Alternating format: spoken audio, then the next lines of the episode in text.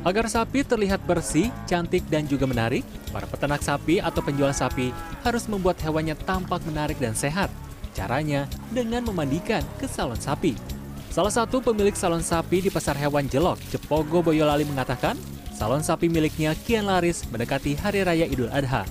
Dalam sehari ia bisa memandikan lebih dari 40 ekor sapi. Untuk jasanya per ekornya dipatok dengan harga antara Rp15.000 hingga Rp35.000 rupiah. Pak sehari itu bisa eh, membersihkan berapa sapi Pak? Ya kisaran 35 sampai 40. 40 sapi. Banyak, banyak Pak yang ke sini. Ya alhamdulillah Pak.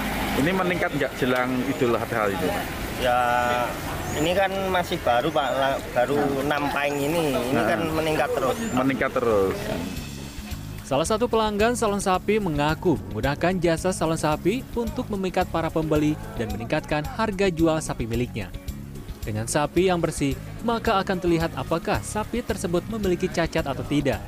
Selain itu, harga jualnya bisa naik antara Rp100.000 hingga Rp500.000 rupiah. Tapi signifikan sapi ya? Ya, Biar apa Pak? ya biar biar bersih pak, nanti kelihatan eh, ni- ni- biar nilai jualnya tinggi. Oh, Jadi kan petani kalau melihat bersih, bagus kan apa ya sama sama sapi itu senang gitu loh pak. Gitu. Kebijakan pemberlakuan PPKM darurat berdampak bagi perekonomian rakyat.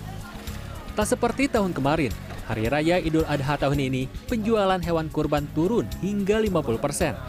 Namun tetap saja, para pembeli dan penjual memadati pasar hewan terbesar di Boyolali ini. Kartika Bagus, Boyolali, Jawa Tengah.